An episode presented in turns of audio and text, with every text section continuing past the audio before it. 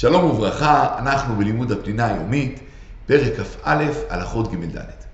בהתחלה היו נוהגים ליפול אפיים בהשתחוויה או בקידה.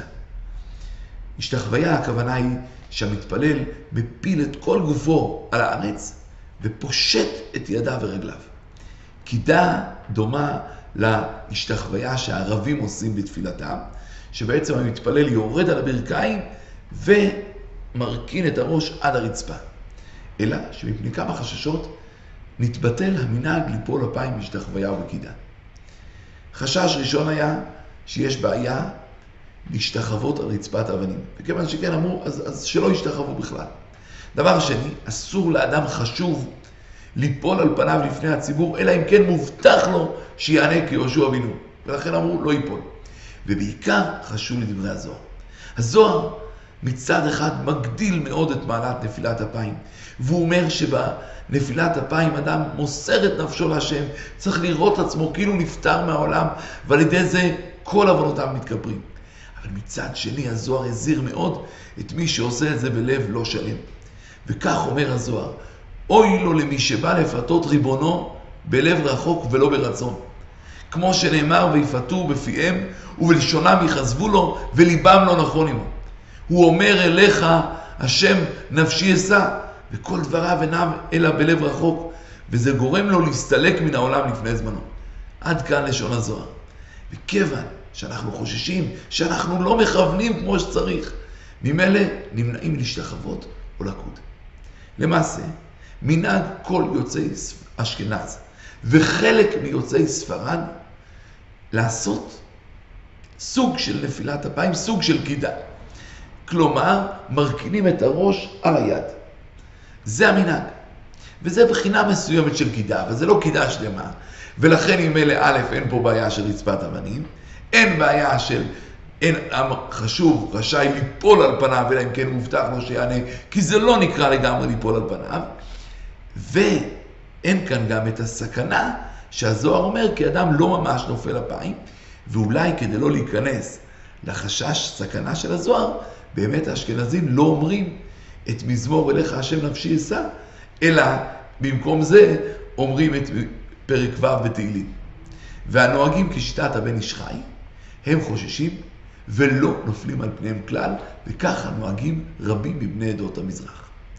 ועכשיו נבהר קצת יותר את המנהג של אלה שכן נופלים אפיים. אז כמו שאמרנו, נפילת אפיים נעשית על ידי הרכנת הראש והשנתו על הזרוע של היד. לדעת השולחן ערוך, נופלים תמיד על יד שמאל. לדעת הרמה, בבוקר שמניחים תפילים על יד שמאל, נופלים על ימין, ובמנחה נופלים על השמאל, וכך המנהג של יוצאי אשכנז. כשנופלים על יד שמאל, מטים קצת את הראש, את הפנים, לצד ימין, שלא יהיה מופנה ישר כלפי הרצפה. ואותו דבר הם שנופלים על יד ימין, מטים קצת את הפנים לצד שמאל. ולמה? כי בעצם כך היו נוהגים שהיו נופלים על רצפת אבנים, להטות קצת הפנים, ועל ידי זה באמת לא משתחווים על רצפת אבנים. וכיוון שכן נהגו ככה גם כאשר נופלים אפיים. נוהגים לכסות את הפנים בבגד, לא מסתפקים בתמינת הראש בזרוע. עכשיו, בדרך כלל, ממילא אין בעיה, כי יש חולצה, ולכן ממילא זה לא בזרוע, כי אמרו, אין הגוף מכסה את הגוף, זה גוף אחד.